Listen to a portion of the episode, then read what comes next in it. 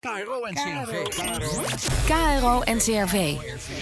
De KRO. Dit is een podcast van de KRO en CRV. Ik zat toen in mijn eigen zaak, die hier schijn aan de overkant is. En ja, alle mensen zaten gewoon daar op het terras en die hadden zoiets van: wat de fuck gebeurt daar allemaal? Linda Fransen hoort op 4 september 2014, terwijl ze aan het werk is in haar eigen café, een oorverdovende knal in de buurt. En toen zei iemand tegen me: van, Linda, het is volgens mij jouw flat. In een flatgebouw in Diemen heeft vanmiddag rond kwart voor vier een heftige explosie plaatsgevonden. Het gaat om een flatgebouw aan de Beukenhorst. Zonder zich te bedenken laat Linda haar werk vallen en snelt naar huis. Nou, ik, ben, ik had toen de tijd nog een brommetje. Ik ben om mijn brommer gestapt. Ik heb gewoon iedereen laten zitten. En ik ben hier naartoe gegaan. De gasexplosie werd veroorzaakt door graafwerkzaamheden. In de flat werd een nieuwe schacht gegraven voor een lift. Tijdens de werkzaamheden werd toen een gasleiding geraakt, wat zorgde voor de grote explosie. Er zijn gewonden gevallen. Hoeveel is momenteel nog niet duidelijk. Het zijn er in ieder geval drie. Er waren veel getuigen van de explosie. Het leek wel oorlog en ik zag op hetzelfde moment zag ik dat de stenen uit de muren vlogen over de grasvelden heen en gelijk rook en ook brand. Er was iemand, van, uh, iemand die moest werken, ik weet niet van welk bedrijf. Hij moest werken en opeens uh, er kwam een knal, explosie. Mijn moeder keek toevallig ook uh, uit het raam en ze zag die man zeker wel 15 meter wegvliegen. ja, iedereen was in shock. Ik liep naar mijn broers kamer, ik zeg er is wat ontploft.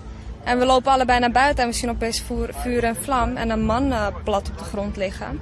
Toen zijn we allebei naar buiten gerend. Zag je één man? Ja.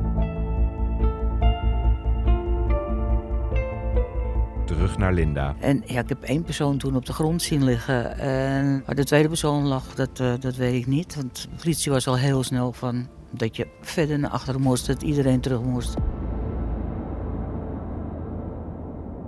De explosie die ontstond ten gevolge van graafwerkzaamheden kostte twee mensen het leven.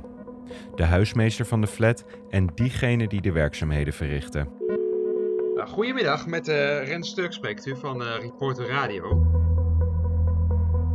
Ik ben op zoek naar de woordvoerder die mij meer kan vertellen over graafschade. Hey, goedemiddag, met uh, Nicky Serraris van Reporter Radio.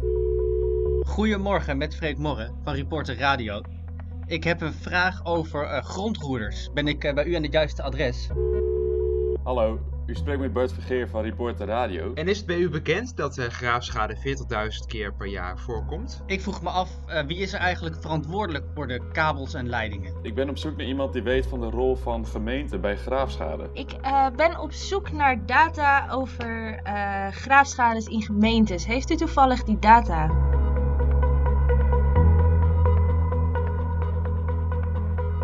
Vier studenten journalistiek aan de Hogeschool Windesheim in Zwolle doken samen met Reporter Radio in de wereld van de graafwerkzaamheden. Je luistert naar Reporter Podcast, een podcast van Reporter Radio. Samen met de studenten onderzochten we de verantwoordelijkheden die Nederlandse gemeenten hebben bij graafwerkzaamheden. De gemeenten spelen een belangrijke rol bij het voorkomen van schade aan kabels en leidingen. In de Nederlandse bodem ligt zo'n 2 miljoen kilometer van deze kabels en leidingen verstopt. Als deze beschadigd raken tijdens graafwerkzaamheden, dan heet dit graafschade. En dat is niet zonder consequenties. De gevolgen van de graafschade die zijn allereerst voor degene die daar de graafwerkzaamheden uitvoeren. Het graafteam. Die worden geconfronteerd met een kapotte leiding bijvoorbeeld voor elektriciteit. Uh, dan hebben zij direct te maken met de gevaarzetting daarvan. Dus dan kan er een steekvlam ontstaan en daar kunnen dus uh, vreselijke brandwoorden van ontstaan. Robert-Jan Looijmans werkt bij agentschap Telecom, de toezichthouder. Zij controleert de partijen die graafschade moeten voorkomen. Looijmans weet als geen ander dat de gevolgen van graafschade vreselijk kunnen zijn. Kijk, het graafteam is diegene die als eerste geconfronteerd wordt zeg maar, met een onveilige situatie. We praten gewoon vanuit de risico's voor de werknemers en voor de omwonenden. Dit is Nico Willemsen van brancheorganisatie Cumula een vereniging voor mensen die graafwerkzaamheden uitvoeren. Willemsen kent genoeg verhalen van graafmachinisten die gevaarlijke kabels en leidingen raken. Ja, stel je voor dat je daar uh, toch met een graafmachine uh, uh, die ineens raakt. Dat, dat kan behoorlijke heftige resultaten opleveren. Ja, dan gaan ook wel eens mensen dood, hè? En helaas Ja, ja, we hebben een aantal keren gehad dat er inderdaad doden bij uh, te betreuren zijn. Het is onbekend hoe vaak dit voorkomt. Maar de laatste jaren neemt het aantal graafschades alleen maar toe. Vorig jaar ging het zelfs 40.000 keer mis. Graafwerkzaamheden die leiden tot graafschade kunnen dus dodelijk zijn. Maar volgens Loijmans is er nog meer aan de hand. Zo kan graafschade leiden tot grote gevolgen voor het milieu en de leveringszekerheid. En dat betekent dat bedrijven die erachter zitten, afhankelijk van elektriciteit of van een datakabel of van gas of noem maar op, ja, die worden dan verstoken van dat eh, medium. En dat leidt natuurlijk wel tot grote economische schade. En leveringszekerheid, nogmaals, daarom zitten we natuurlijk ook bij het ministerie van EZK. Dat gaat over het feit dat je uh, vertrouwen moet hebben dat het geleverd wordt. Nou, graafschades hebben echt wel invloed op het feit op de leveringszekerheid. En daarom uh, zeggen we altijd, die negatieve aspecten zijn echt wel te groot.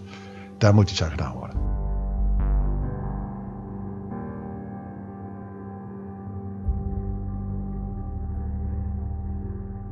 Om het aantal graafschades terug te dringen en om gevaarlijke situaties te voorkomen, is in 2008 de Wet Informatieuitwisseling ondergrondse netten in het leven geroepen.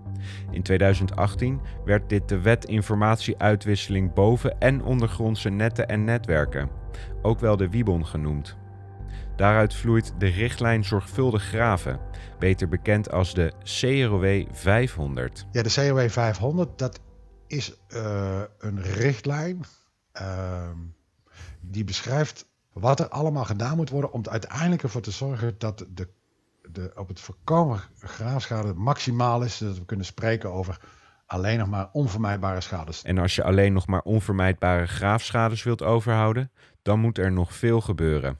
Iedereen moet daarvoor zijn steentje bijdragen. Dus er staan voor de opdrachtgever uh, een aantal uh, verplichtingen voor de grondgoederen een aantal verplichtingen en voor de netbeheerder. Het gaat hier om de partij die opdracht geeft tot graafwerkzaamheden, zoals bijvoorbeeld de gemeente, de partij die de graafwerkzaamheden uitvoert, ook wel de grondroerder genoemd, en de eigenaar van de kabels en leidingen, zoals bijvoorbeeld netbeheerder Liander, de baas van een aantal gasleidingen.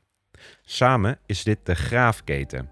De richtlijn voor zorgvuldig graven, de CROW 500, is door deze keten zelf opgesteld. En ze hebben zichzelf ook opgelegd dat ze dat ding, uh, die richtlijn zullen uitvoeren. Zelfregulatie dus.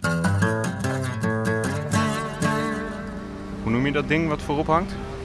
De bak. De bak, de bak gaat de, de, de sleuf in. En nu gaan we aarde scheppen.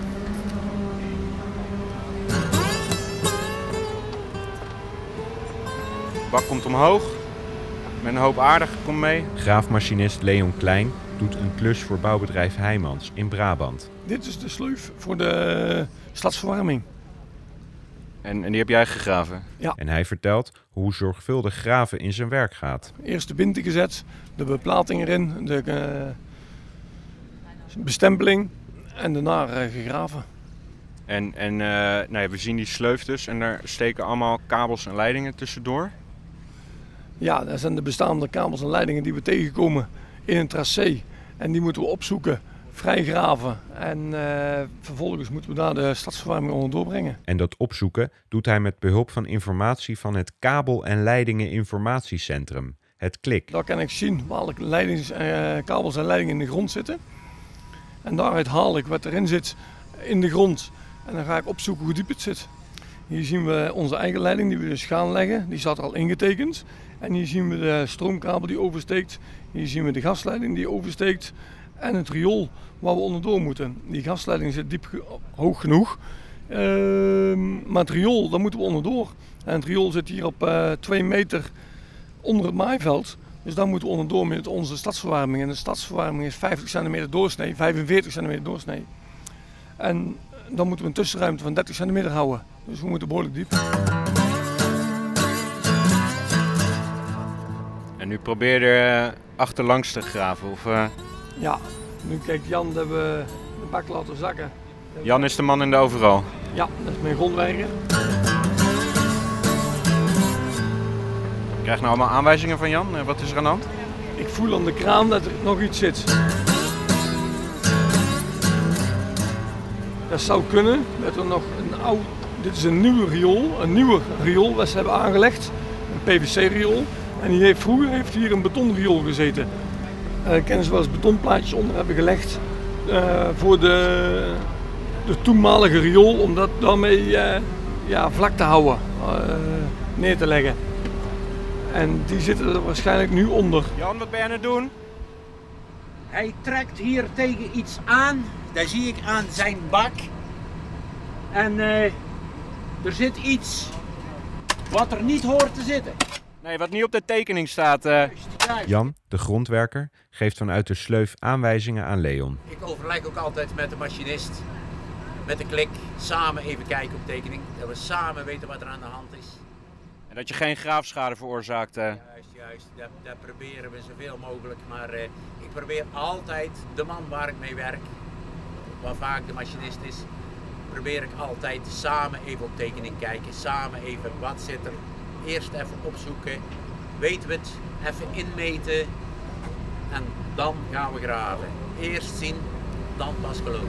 Arm gaat de sleuf in. Komt een groene strop bij. Jan die hangt hem eraan. En nu is het de bedoeling dat de betonplaat uit de grond wordt losgetrokken. Ja, dat klopt. Langzaam omhoog. Nu zie je de betonplaat waar we tegenaan kwamen, waarvan we niet wisten wat het was. Oh, dat is die zwarte plaat die nu in je bak ligt, Leon? Ja, die is, uh, dat is een betonplaat. Die heeft onder het riool gelegen vroeger. En uh, die is door de tijd helemaal zwart geworden. En dit was een uh, mooi samenspel tussen jou en Jan. Maar als je nou een kabel of een leiding tegenkomt, gaat het dan ook zo? Ja, dan gaat het in feite hetzelfde. Wij horen hier altijd sirenes. Voor mij is het nu wat minder, maar als ik sirenes hoor, ga ik altijd kijken. En ik hoor ook het verschil van de sirenes. Op het moment dat ik brandweer hoor, ga ik altijd eerst kijken waar gaat die naartoe. Toch nog een soort interne schrikreactie. Ja. Linda Fransen is nog altijd op haar hoede als ze een sirene hoort. Uh, van 119, 120, 121 was volledig weggeslagen. Uh, van 122 volgens mij ook een stukje. Die boksen waren volledig weg. Of die weg was, dat durf ik niet met uh, volle 100% te zeggen. Dit was gewoon het grootste gedeelte weg. En uh, ja, nou ja dat, dat, was het al zo'n beetje. Die boksen zijn dan op de, op de begane grond en die, die woningen waar je het over had, zijn op de eerste? Ja. En hoe stonden die erbij? Nee, dat heb ik niet echt gezien. Daar bijvoorbeeld ben ik niet lang genoeg geweest. Ik wil, en daar kijk je ook niet naar. Je zit met heel andere dingen in je hoofd. Dus je, je, je, op dat moment, je ziet het wel en dan denk je, jeetje. Maar voor de rest, uh, ja, kijk je er eigenlijk niet naar. Niet mee bezig op dat moment? Nee, nee. Nee, sta je ook echt niet bij stil. Dat, uh, dat zie je. Eigenlijk later zie je het dan ook pas in het nieuws. Nou ja, nee, daar, daar kijk je niet naar. Gek. Genoeg. Hoorde net een sirene. Gebeurt er dan weer dat je... Nee hoor, ik hoor hem. Maar nee, hij gaat door dus. Zolang hij doorgaat, is er niks aan de hand. Zolang hij hier naartoe komt, dan willen we meteen weten wat er aan de hand is. Het valt je wel op. Ja, dat kan niet onvermerkt uh, voorbij gaan. Nee. En, uh, en, toen, en toen kwam er in 2015 een rapport van de Onderzoeksraad voor de Veiligheid? Ja, nou ja. Wij dachten allemaal van, hé, uh, hey, dat is een mooi onderzoek. Dat is, komt nou eindelijk eens een keertje iets uit. Maar uh, nou ja, wij, wij hebben verkeerd gedacht. Het, er kwam nog niks uit. Hoezo? Nou ja, omdat de betrokken partijen nog steeds blijven ontkennen van wie zijn schuld het nou uiteindelijk is. Want, want iedereen wijst naar elkaar. Ja. ja. De fatale gasexplosie in een flatgebouw in Diemen, 4 september 2014, is het gevolg van gebrekkige informatieuitwisseling. Dat is de conclusie van het rapport. Hierdoor was het voor de aannemer niet duidelijk dat er een werkende gasleiding in het graafgebied lag. En juist dit soort miscommunicaties, dat moet de CROW 500 voorkomen.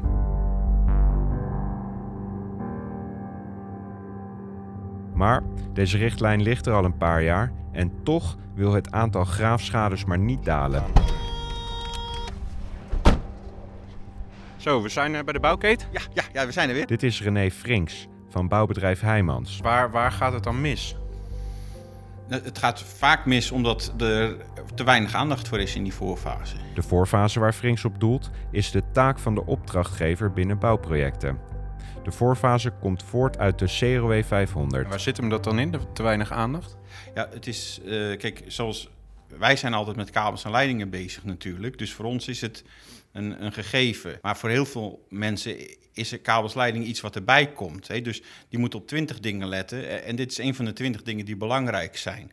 Hè? Dus, dus, dus waar- wij zijn ervoor om, om, om aandacht te vragen voor dit vraagstuk. Het is, het is ook geen onwil. Het is alleen, er is gewoon te weinig aandacht voor. Opdrachtgeverschap is zo belangrijk. Toezichthouder Loijmans legt uit. Opdrachten worden weggezet en op een gegeven moment gaan ze in de uitvoering. Meestal zit er ook al wel weer een deadline aan. En alle, als je in de voorbereidende fase goed kunt oriënteren, wat, wat, wat speelt er nou, wat ben, ik nou van plan om daar te laten realiseren, welke graafwerkzaamheden wil ik nou daar uit laten voeren, wat betekent dat nou voor de ondergrond? Dus in alle rust kunnen bellen naar een netbeheerder, hoe zit het dan, hoe oud is die kabel, Eh, moet ik nog ergens mee rekenen houden, hoe gaan we om met asbestcementleidingen?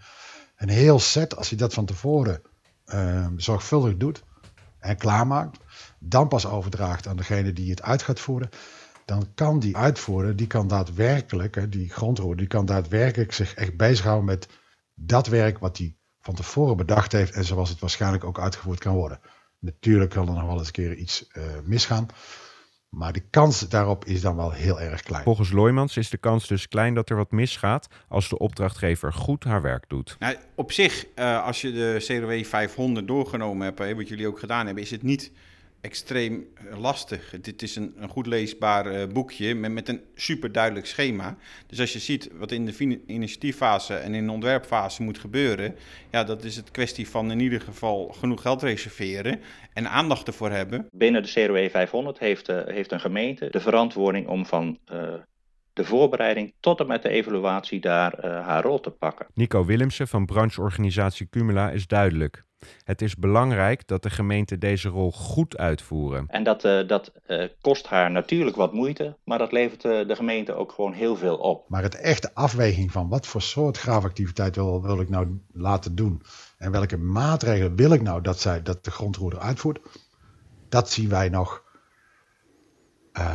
nou, dat zien we wel al een beetje komen. Volgens de toezichthouder staat het zorgvuldig graven wel op het netvlies van de Nederlandse gemeente als opdrachtgever voor graafwerkzaamheden. Maar niet in de mate zoals de CRW voorschrijft. Maar is de CRW 500 nog nergens goed geïmplementeerd? Kijk, laat, laat wel helder zijn, gemeentes, grote opdrachtgevers, die zijn wel gewend om na te denken over risico's. Hè, dus risico's voor de grondroerder, hoe gaan ze overleggen ook met netbeheerders. Dus een aantal aspecten is niet nieuw, dat doen ze allemaal wel. Loijmans benadrukt het nog maar eens. Wat we willen met z'n allen is dat die opdrachtgever veel meer gaat doen. Nou, dat zien wij uh, langzaam maar zeker komt die kar op gang. Gemeenten zijn er wel mee bezig, maar nog te langzaam. Ja. Maar dragen nog onvoldoende hun steentje bij.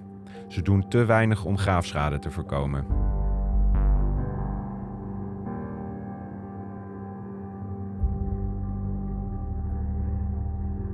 Voor Nico Willemsen was dit de reden om eens met een aantal gemeenten over de CROW 500 in gesprek te gaan. Wat mij verraste was uh, dat uh, toen we het samen hadden over de CRW 500, dat de benadering van die mensen van de gemeente behoorlijk vanuit het juridisch perspectief was. Um, ik heb het ze ook teruggegeven hoor. Ik heb ze ook gewoon gevraagd van nou ja, eerlijk gezegd ervaar ik hier een beetje de vraag zo ja, hoe kan ik de kosten en de verantwoording nou bij de grondroerder leggen? Uh, het leek alsof dat de vragen die ze hadden of de discussie die ze met elkaar voerden daarover, dat die heel erg was vanuit de gedachte we moeten het probleem uh, van die ondergrond vooral bij die grondroerder laten.